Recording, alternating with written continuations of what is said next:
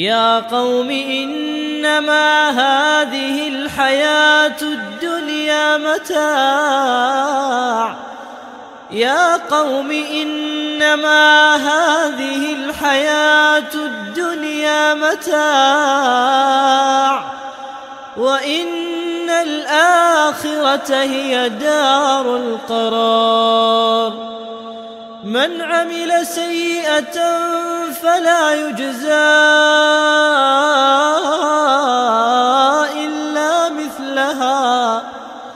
ومن عمل صالحا من ذكر أو أنثى وهو مؤمن فأولئك فأولئك يدخلون الجنة يرزقون فيها بغير حساب. ويا قوم ما لي أدعوكم إلى النجاة وتدعونني إلى النار. تدعونني لأكفر بالله وأشرك به ما ليس لي به علم. وأنا أدعوكم إلى العزيز الغفار. وأنا أدعوكم إلى العزيز الغفار. لا جرم أن ما تدعونني إليه ليس له دعوة في الدنيا ولا في الآخرة وأن مردنا إلى الله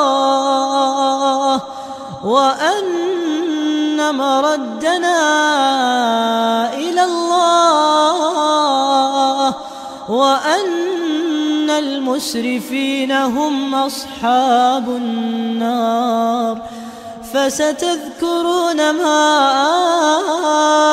أقول لكم وأفوض أمري إلى الله إن الله بصير بالعباد فوقاه الله سيئات ما مكروا وحاق بآل فرعون سوء العذاب. النار يعرضون عليها غدوا وعشيا ويوم تقوم الساعة. أدخلوا آل فرعون أشد العذاب. وإذ يتحاجون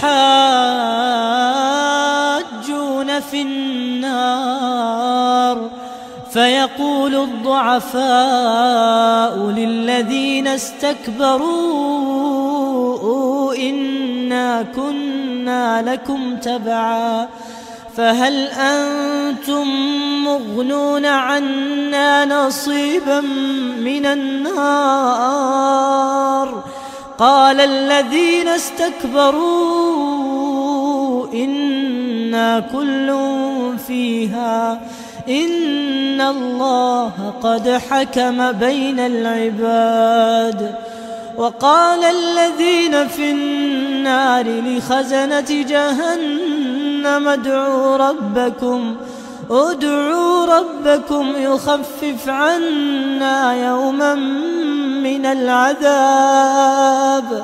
قالوا أولم تك تأتيكم رسلكم بالبينات؟ قالوا بلى. قالوا فادعوا وما دعاء الكافرين إلا في ضلال.